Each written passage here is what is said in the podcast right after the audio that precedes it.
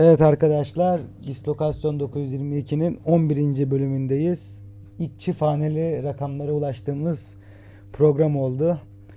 Ee, bugün yine Hulst adminleri var. Ee, geçen ilk yayınımızı yapmıştık onlarla. Artık bugün İngiltere semalarından çıkıp memleketimize Türkiye gündemini konuşacağız. Ve Türkiye gündemini oldukça meşgul eden olayla yine giriyorum. Ee, paha biçilemez, kapışılan olaylar olan Vedat Muriç. Ne düşünüyorsunuz Vedat Muriç hakkında? Abi ilk, ilk başta ben konuşmak istiyorum. Şimdi Vedat Muriç, buyur. tabii teşekkür ederim. Şimdi Vedat Muriç evet Süper Lig seviyesinde e, iyi bir futbolcu ama Anadolu takımlarından alınan e, futbolcuların büyük takımlarda çok büyük işler yaptıklarını e, pek göremedik. Vedat Muriç için hani bir transfer çalımı olarak bakılıyor ama bence değil. Çünkü hani e, transfer çalımı hani Miroslav Stoh transferi gibi olur. Hani tam böyle bitirmeye yakınken gidip alınan bir transferdi bu eski dönemlerde. O bir transfer çalımıdır. Ama Vedat Muriç için Galatasaray e, 2 milyon euro, 2,5 milyon eurolar konuşuyordu. Daha fazlasına ben çıkmam e, falan filan. Oyuncu zaten e, Galatasaray'a gelmek istediğini belirtmişti. Gerekirse kadro dışı e, kalırım demişti. Rize'de kalırım demişti ama e, adam ama gerekli baskı yapıldı. Fenerbahçe e, yüksek bonservis ödedi ve e, Vedat Muriç de kadro dışı kalmamak amaçlı. Sanırsam 4 futbolcu da verilecek Rize'ye. Vedat Muriç de kadro dışı kalmamak amaçlı Fenerbahçe'ye geldi. Yani ben Vedat Muriç'in bir transfer çalımı olduğunu düşünmüyorum. Ee, şimdi şöyle bir şey var. İkbal, as- açıkçası tamam bu transfer çalımı veya değil bunu tam tartışmak istemiyorum seninle ama ee, Vedat Muriç ee, bence Türkiye'de yani Türkiye Ligi senin dediğin gibi iyi bir yeterli bir santrafor ama ee, öncelikle Vedat Muriç'in ağzından çıkan ben Galatasaray'da oynarım diye bir laf yok. Menajeri de tarafından açıklanan bir söz bu ki doğruluğu da tartışılabilir. Ee, yani Vedat Muriç'in Fenerbahçe ve Galatasaray e, arasında Galatasaray seçebileceğini pek düşünmüyorum yani. Yani ben Vedat için kendi yorumum Vedat'ı ben Gençler Birliği'ndeyken beğenmiyordum ki emin olun bu program bu yayın yani kanalı açtığımdan beri net kaç program yaptıysam %80'ine Vedat'ı konuştum. Artık nihayet erdiği için de mutluyum. Vedat'ı Gençler Birliği'ndeyken beğenmiyordum açıkçası.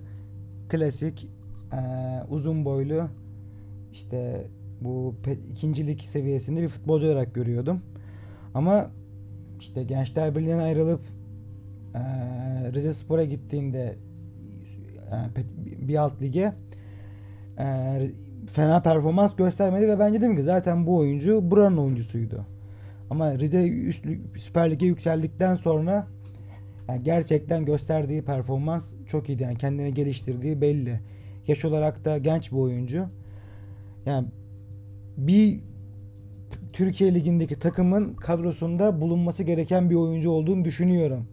Ama asla ve asla birinci santrafor olamaz. Yani buna şöyle bir şey diyeyim. İşte Galatasaray, Fenerbahçe, Beşiktaş, Trabzonspor ve Başakşehir var. Bu 5 takımın hiçbirinin birinci santraforu olacak kapasitede olduğunu düşünmüyorum. Katılıyorum. Yani burada Trabzonspor bile Rodega'yı yolladı. Yerine santrafor bakıyor. Yani işte Başakşehir Adebayor gibi bir oyuncuyu yolladı.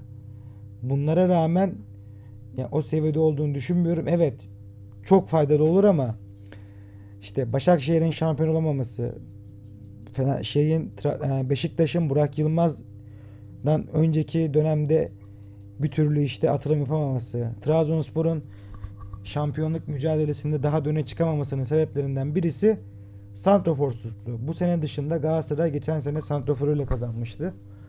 Vedat Muriç'in oyuncu olduğunu düşünmüyorum. Sadece bu oyuncunun bu kadar abartılmasının yanlış olduğunu düşünüyorum. Ki çalım olduğunu da düşünmüyorum. Yani Ali Koç neden böyle işler yaptığında anlam veremiyorum. Yani o konuya girmeyeceğim. Girersem çıkamam. Çünkü Ali Koç ben bir Galatasaray taraftarıyım.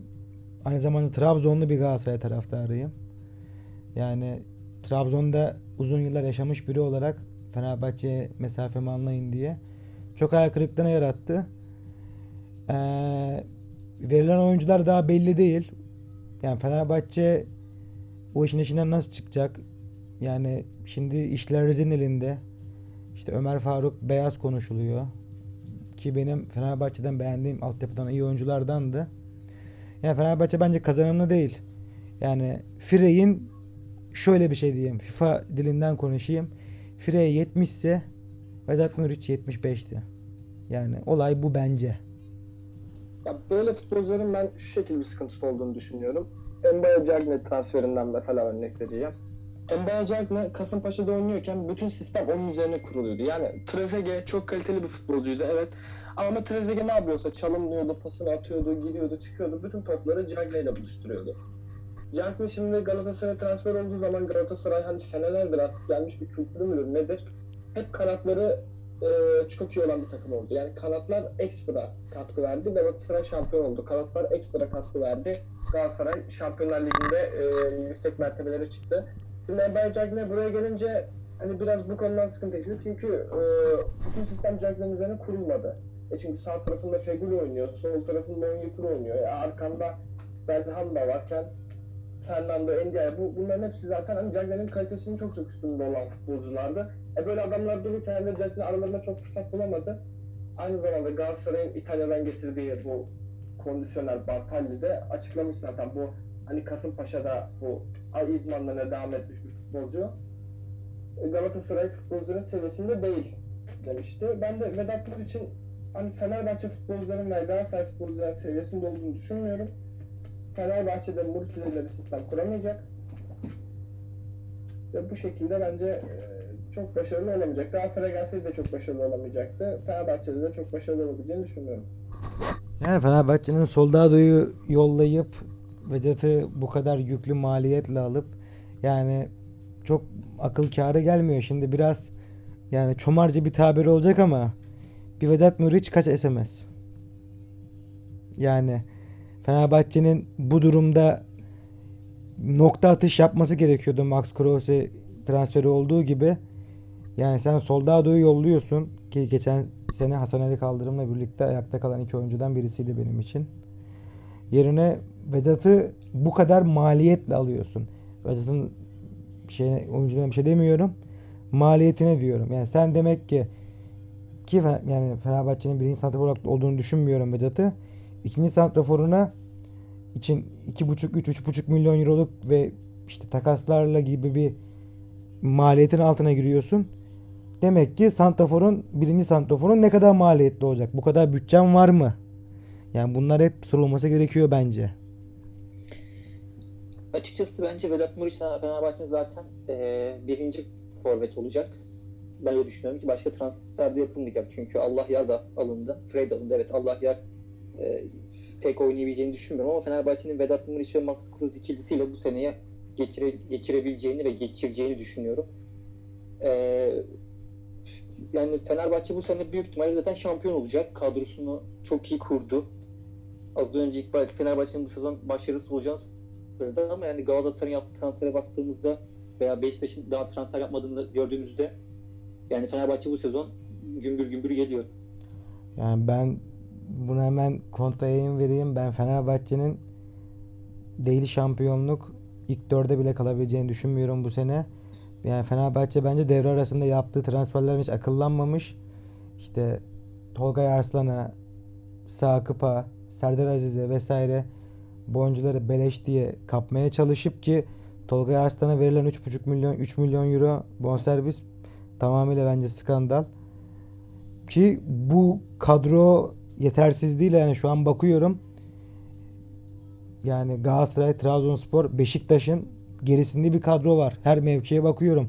Kaleci, orta defans, orta saha, santrofor. Herkes Galatasaray'ın Jack Nolay'ına laf atıyor. Galatasaray bir transfer beceriksizliği yaptı. Tra- son dakikaya bıraktı transfer forvet transferini. Ara transferde bizim Galatasaray'ın e, bir 15 milyon euroluk transfer yapma hakkı vardı sadece o dönem için. O parayı bizim bir şekilde kullanmamız gerekiyordu. Yapılan mantıkta Cagney'i 15'e alalım. En azından bir dahaki dönem 10 milyon euroya satarız ki bir dahaki dönem çünkü yine aldığın kadar sat var. Geçen dönemdeki artı paramızı bu transfer dönemine aktarırız mantığıydı. Bu açıdan bakılınca en son çarelerden birisi olarak mantıklı bir işti. Ve eee, Galatasaray diğer mevkilere göre Fenerbahçe'den kat kat daha öndeydi. Beşiktaş'ta keza Trabzonspor'da hatta Trabzonspor takviyeler de yapıyor ki Fenerbahçe'nin ben önümüzdeki sene için hiç açık görmüyorum önünü. Abi bak Ga- Galatasaray dünyaya gelmiş en garip kulüp. Şimdi ben dünya üzerinde gerçekten böyle bir kulüp yok. Bu kadar kaostan beslenen, bu kadar böyle iç sıkıntılarıyla başarılı olabilen başka bir kulüpte hani ben hiç karşılaşmadım. Şimdi sezona başarıyı geçiren en iyi kulüp Fenerbahçe olduğunu düşünüyorum. 13 Temmuz olaylarını unutmayalım. Rize'deki kurşunlanmayı da unutmayalım. Ama Fenerbahçe zaman böyle e, hani bize böyle oldu, bize şöyle oldu deyip yalvaran veya ağlamaya çalışan bir kulüp değil. yani Yani Allah'a şükür Fenerbahçe daha fazla yani sıkıntı çektiğini düşünüyorum bu konuda. Yani tarafsız olmak gerekirse tabii hani Fenerbahçe büyük sıkıntılar yaşadı. Evet bunlar e, Rize kurşunlanması veya e, 3 Temmuz evet, Fenerbahçe için sıkıntılı dönemlerdi ama e, hani bazı UEFA'da tescilledi. O yüzden zaten Fenerbahçe'nin bu konularla alakalı bize şöyle oldu, bize böyle oldu deme gibi bir lüksünün olduğunu düşünmüyorum. İkinci olarak da Galatasaray mesela bizim geçen sene de bir ton bir sıkıntılar e, ha- hakemlerle, TFF ile, onunla bununla şunla e, yine Galatasaray çıktı, şampiyon oldu. E şimdi bu sene de biz zaten direkt ezeli rakibimizde bir sıkıntıyla başladık Vedat Muriç olayı. E daha bugün Çağlayan Adliyesi'nde bu ibrasızlık kararıyla alakalı şeyler çıktı. E şimdi yönetime forvet baskısı var. Gerçekten Galatasaray golünden sonra bir adam akıllı forvet bulamadık. E şimdiki yıldız bir forvet getirmemiz gerekiyor. Ki bu ligde gerçekten başarılı olabilirim ama hani yıldız bir forvet dediğinden kasıt ismi duyulmuş değil. Futboluyla yıldız olan bir forvet.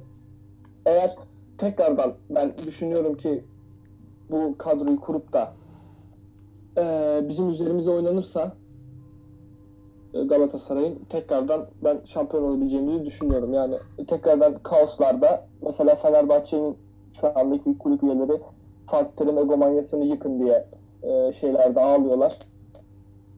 Konseylerde.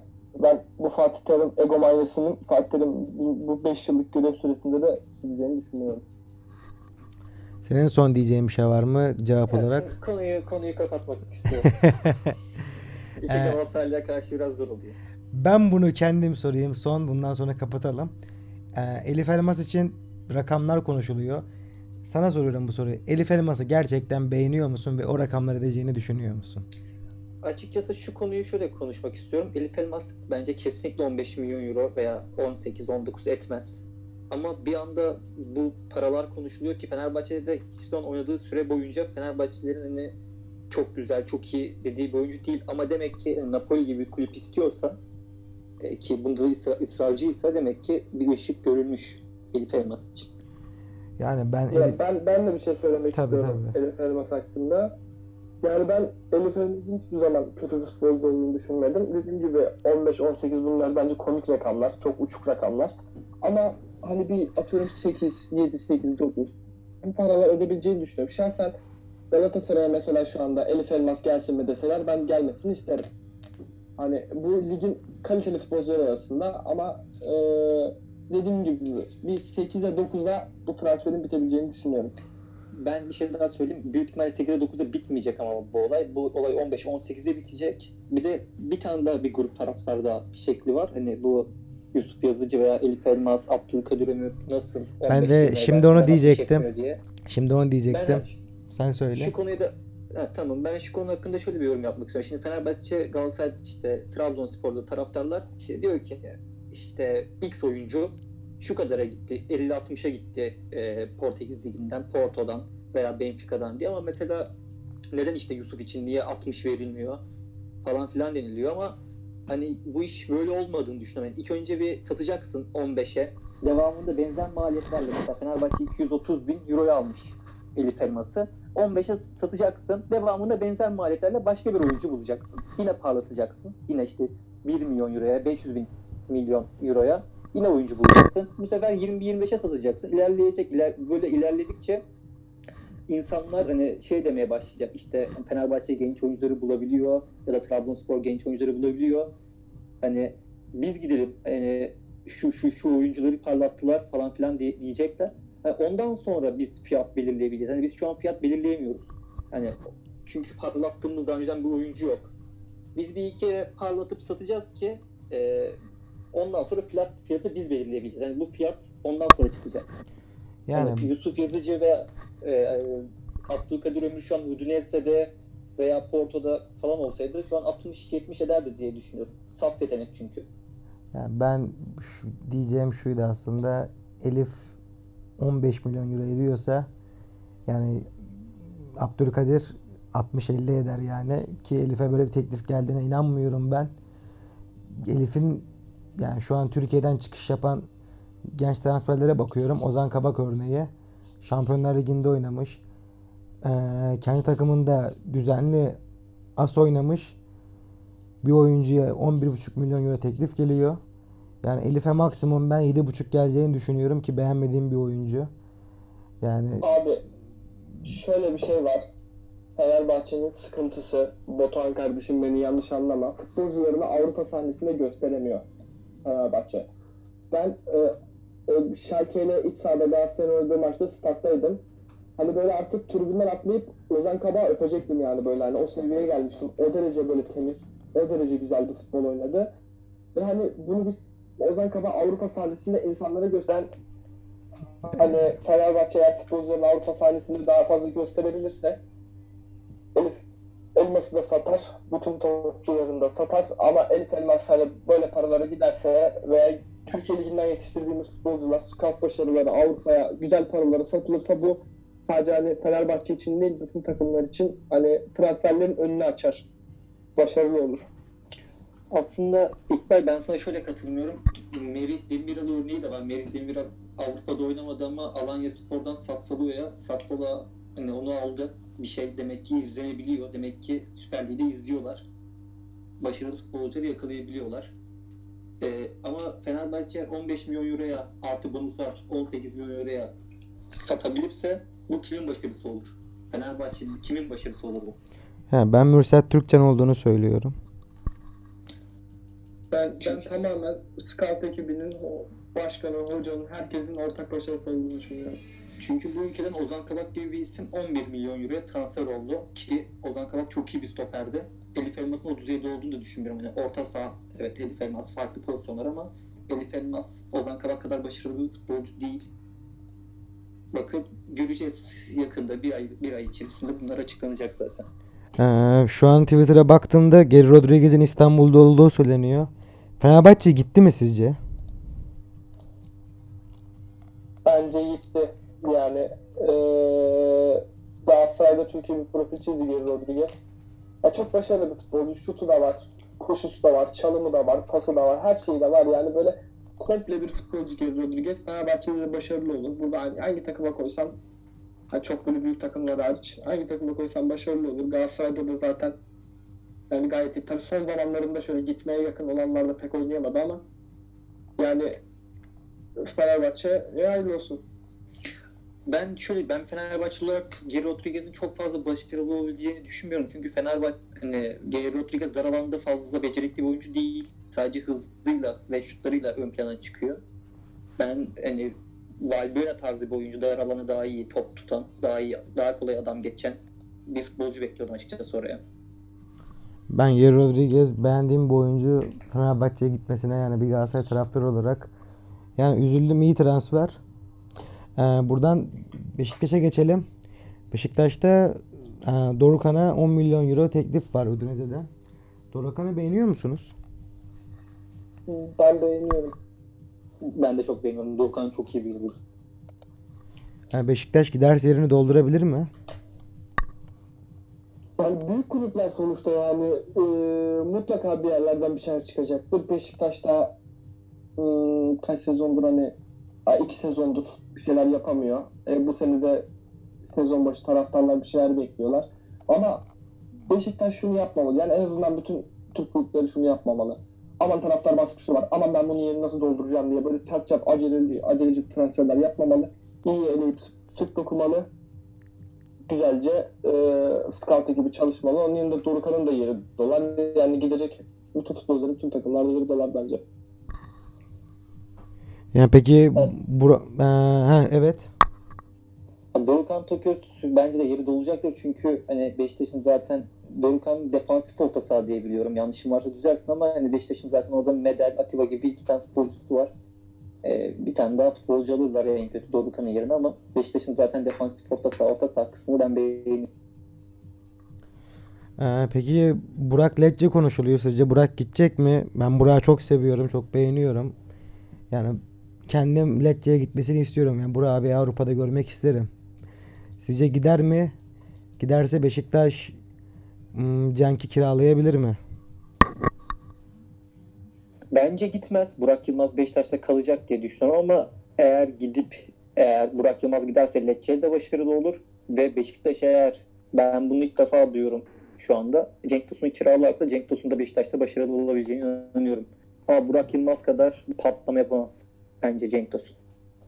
Ya ben de Burak Yılmaz'ı beğeniyorum ama hani evet Avrupa'da izlemeyi isterim ama Avrupa'da izleyeceğim takım Lecce olmamalı. Bence Burak Yılmaz daha iyi takımlarda da oynamayı hak eden bir futbolcu. Eğer giderse de olur da giderse Cenk'i de Beşiktaş'ın kiralamaması gerektiğini düşünüyorum. Çünkü Everton'da hiç iyi bir form grafiği çizmedi. Bence formsuz da bir futbolcu.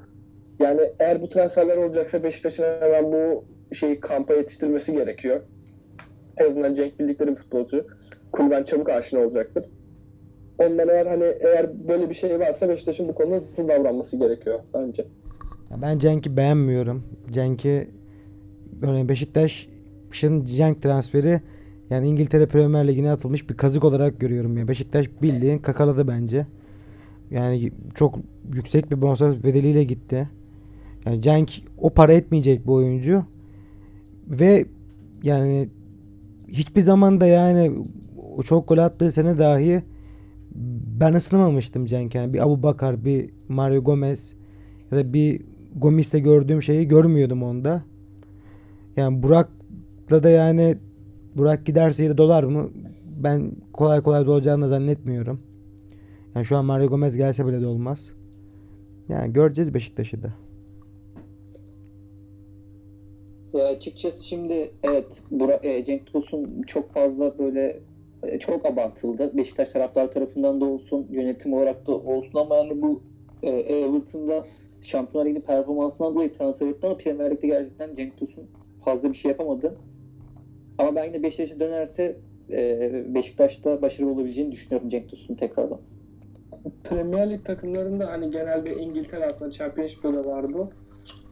Yani futbolculara verdikleri paralara adamlar böyle hiç acımıyorlar. Yani bir, bir kaleciye mesela Chelsea Kepa'ya çıktı. Kepa bence öyle hani o akşamda bir kaleciye çıkardı 80 milyon euro para verdi. Yani hani Premier Lig takımları gerçekten böyle finansal anlamda çok farklı işliyorlar. O yüzden hani Galatasaray Embe Cagney'e 9-10 milyon euro para verdi. Toplam her şeyle beraber 15 miydi? Tam rakam hatırlamıyorum. Onda, Hani evet evet. atıp Yani yıkılıyoruz yani. 15 milyon euromuz nerede bizim hani çöpe gitti diye ama Everton yani bir futbolcuya çıkarıp 25 verse de ben onun Everton'un başını çok artacağını düşünmüyorum. Yani en azından deneme yanılma yöntemi yapabiliyorlar paralarla. Ee, peki Trabzonspor'un işte Yusuf Yazıcı'nın attığı storyler Yusuf'un gideceği söyleniyor. Yani ciddi ciddi Lille gidici gibi gözüküyor. Yusuf'u gitmeyip farz edip Rodega yerine yapılacak santrafor transferiyle e, işte takıma geçen haftada Obi Mikel katılmıştı. Şampiyonluk yarışında olacağını düşünüyor musunuz? Ya ben açıkçası Trabzonspor'un bundan sonra hani bu sezon yine bence iyi performans gösterdi ama bundan sonra e, pek başarılı olabileceğini düşünmüyorum. E, Yusuf Yazıcı önemli bir roldü Trabzonspor için. Ama Trabzonspor hiçbir zaman öyle ligin başından sonuna kadar iyi top oynayıp hani hiçbir zaman iyi top oynamadı. Hani sezonun başından sonuna kadar. Trabzonspor'da her zaman bir yükseliş ve iniş e, yerleri, zamanları oluyor. Yine aynı şekilde Trabzonspor ya kötü başlar lige ya da çok iyi başlar. Ama sonradan iyi başlasa bile kötüye doğru gidiyor yavaş yavaş. Yine başarılı olabileceğini düşünüyorum Trabzonspor. Ben bence bekledikleri senenin bu sene olduğunu düşünüyorum Trabzonspor'un. Yani en azından bir ilk 3 sırada bence bitirebilir. Ama Trabzonspor başkanının yani Yusuf Yazıcı hakkında söyledikleri ve yaptıkları bence oyuncunun piyasasını kapatıyor. Neden? Çünkü hani e, ve Abdülkadir için aynı şey geçerli. Adamlara gidip de ben bu parayı sana vereyim sen bana bir tane de Abdülkadir ver. Hani böyle bir transfer görüşmesi ben 20 yaşına kadar hiç görmedim. Denk gelmedim. Hayatımda saçma sözdü belki de. Bir başkanın görüşmeye gelen başka bir kulübe söylediği. Hani böyle şeyler yaptıkça ben bu adamı asla satmam. Ben işte şöyle yapmam. Bunlar buranın topçusu bilmem ne falan yaptıkça bence e, adamların piyasasını kapatıyor. Ama hani tekrardan evet satabilirim belki. Neden olmasın? İyi bir teklifte gibi sözler sarf etse takımlar da yani evet hani ben bu adamı alabilirim deyip e, parayı da basıp adamın piyasasını genişletip rekabete takımlar sokabilir yani. En azından şimdi Yusuf için iki tane takım teklife gelse bu sözden sonra en az 5-6 takım birbiriyle yarışabilir yani. Ve bu da piyasasını arttırır futbolcunun. Yani ben onu görüşmelerde öyle dediğini düşünmüyorum. Yani onu basına anlatırken biraz güzel imaj çekmek için böyle yani esprili mübalağa yaparak anlattığını düşünüyorum. Yani bu sene Trabzonspor'un ben yani şampiyonluk yarışında olacak ama yani sonu göreceğini düşünmüyorum. Yani çünkü bu biraz yani şöyle bir şey takımın toplamına aslında bakacaksın. Yani evet Trabzonspor'a baktığımızda işte Yusuf, Abdülkadir, işte çok iyi futbolcu olarak gözüküyor ama geri kalan ilk 11'deki 9 oyuncu için aynısını söyleyemeyiz işte. Pereira'yı söyleyebiliriz hadi. İşte sol bek Nova diyebiliriz. Ama Novak da aslında iyi ama çok yaşlı. ama bu artıları topladığımızda yani örneğin şu an işte baktığımda işte Galatasaray'ın kadrosu ya da işte yani Beşiktaş'ın örneğin Beşiktaş'ın şu anki kadrosundan bile yani iyi diyemiyorum Trabzonspor için. Evet kötü değil ama yani bir fark atabilecek kadar da iyi olduğunu düşünmüyorum. Trabzonspor'un özellikle o santrafor bölgesini çözmesi gerekiyor. Bir de stoperi bir adam gerekiyor bence. Trabzonspor ben bu sene Trabzonspor'un iyi bir forvet transferini ben de bekliyorum ama yine stoperde sıkıntı çekeceklerdir. Stoper Trabzonspor'un uzun zamandır geleneği. iyi stoper bulamıyorlar. Ee, ama forvet konusunda Trabzonspor'un çalışmaları var mı onu da pek bilmiyorum ama iyi bir santrafor bulabilir ama stoper birazcık zor gibi Ya, geliyor bana. Marcus Merke Mar- ya ben kaleci kaleci iyi kaleci ama şöyle bir şey yani kaleci ne olacağı maksimum ben size diyeyim. Yani o- Onur Kıvrak, Tolga Zengin. Ben bunu Türkiye'deki tüm Türk kaleciler için de düşünüyorum. Yani Berke de dahil hiçbiri yani bir Muslera ya da mus bir Muslera olmayacaklar yani. Ben öyle ol- olacaklarını düşünmüyorum. Evet iyi kaleciler. Yani fiyat performans maaş olarak beklentiyi karşılayacak ama yani bir artı öte olacaklarını düşünmüyorum. Yani bilmiyorum siz Berke için özellikle ne düşünüyorsunuz? Yani açıkçası yani Fenerbahçe yıllardır mesela Volkan Demirel bu Volkan Demirel gerçekten Volkan Demirel olduğu zamanlar ligin çok üzerinde bir kaleciydi. Yani Volkan Demirel geçirmesi gerçekten zor bir kaleciydi. Hani Fenerbahçe'de aldığı yabancı kalecilerden çok yüzü gülen bir takım değil. Yani bir Galatasaray gibi Mondragon, Muslera'ları çıkıp da böyle e, yabancı futbolcu takım efsanesi yapamadılar ama aldığı yani Türk kaleciler hep şeydi yani Fenerbahçe'nin güven verdi. E, tekrardan hani öyle bir şey düşünüyorlar. Aldığı yine genç bezler bir birinde aldılar galiba Altay mıydı? Altay evet Altay Bayındır. Altay. Ha. E, tekrardan Berke var. Bence böyle adamları kalecileri parlatabilirler ve e, uzun yıllar Fenerbahçe'nin kalitesini, kalitesini bence koruyabilir. Çünkü yani Volkan Demirel de böyle başlamıştı. Yani Zaten lige baktığımızda çoğu e, kaleci Fenerbahçe'nin kalecisi gibi gözüküyor. Yani Serkan, Kırıntılı, Rize'nin kalecisi e, Başakşehir'de Volkan Babacan'la Mert Günok hepsi Fenerbahçe'den çıkma kaleciler. Ama Fenerbahçe bunları elde tutamıyor, gönderiyor. Ve sonrasında kaleciler başarılı oluyor. Aslında Fenerbahçe'nin iyi bir kaleci geleneği var ama son yıllarda kalecilerini hep başka takımlara yolladı. Mesela Anadolu kulüplerinde hep başarılı olmuş bir Serkan Kılıklı vardı. O da Fenerbahçe'deydi. Aynen. Yani hep böyle iyi, iyi, iyi kaleciler Fenerbahçe çıkardı yani. Bence yine onlardan birileri olabilir Ezik. Ee, peki bu sene işte Başakşehir'in e, işte yaptığı transferleri hiç baktınız mı bilmiyorum. Bana bir yani ciddi ciddi küçülme küçülmeye gittiklerini görüyorum. Artık Başakşehir'in de yani esamesinin okunmayacağını düşünüyorum. Yani sizin Başakşehir günlerini nasıl görüyorsunuz ilerideki günlerini? Ya ben olabildiğince dibe batmasını istiyorum Başakşehir'in. Gerçekten hani bir Galatasaraylıyım ama galiba hani Fenerbahçe'den bile daha antipatik geliyor bana Başakşehir. Hani Fenerbahçe Başakşehir maçlarında Fenerbahçe kazansın istiyorum o dereceğim. O yüzden hani e, evet küçülmeye de gidecektir çünkü e, destekleri de azalacaktır önümüzdeki dönemlerde. Başakşehir zaten bir proje takımı ve bu projenin de çok uzun yılları kapsadığını ben düşünüyorum. Ee, Başakşehir aslında transferine baktığımızda Azubuike ile şeyi e, Muhammed Demirci aldılar bir tane de başka bir tane daha oyuncu aldılar ama onun adını tam şu an bilmiyorum. Evet küçülmeye doğru gidiyor gibi Başakşehir ve bundan sonra da şampiyonluk potasında pek olmayacak gibi duruyor.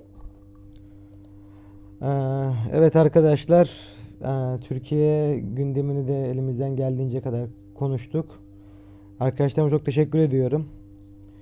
Yani zevkli bir sohbetti. Teşekkür ediyorum size. Ben de biz de teşekkür ederiz.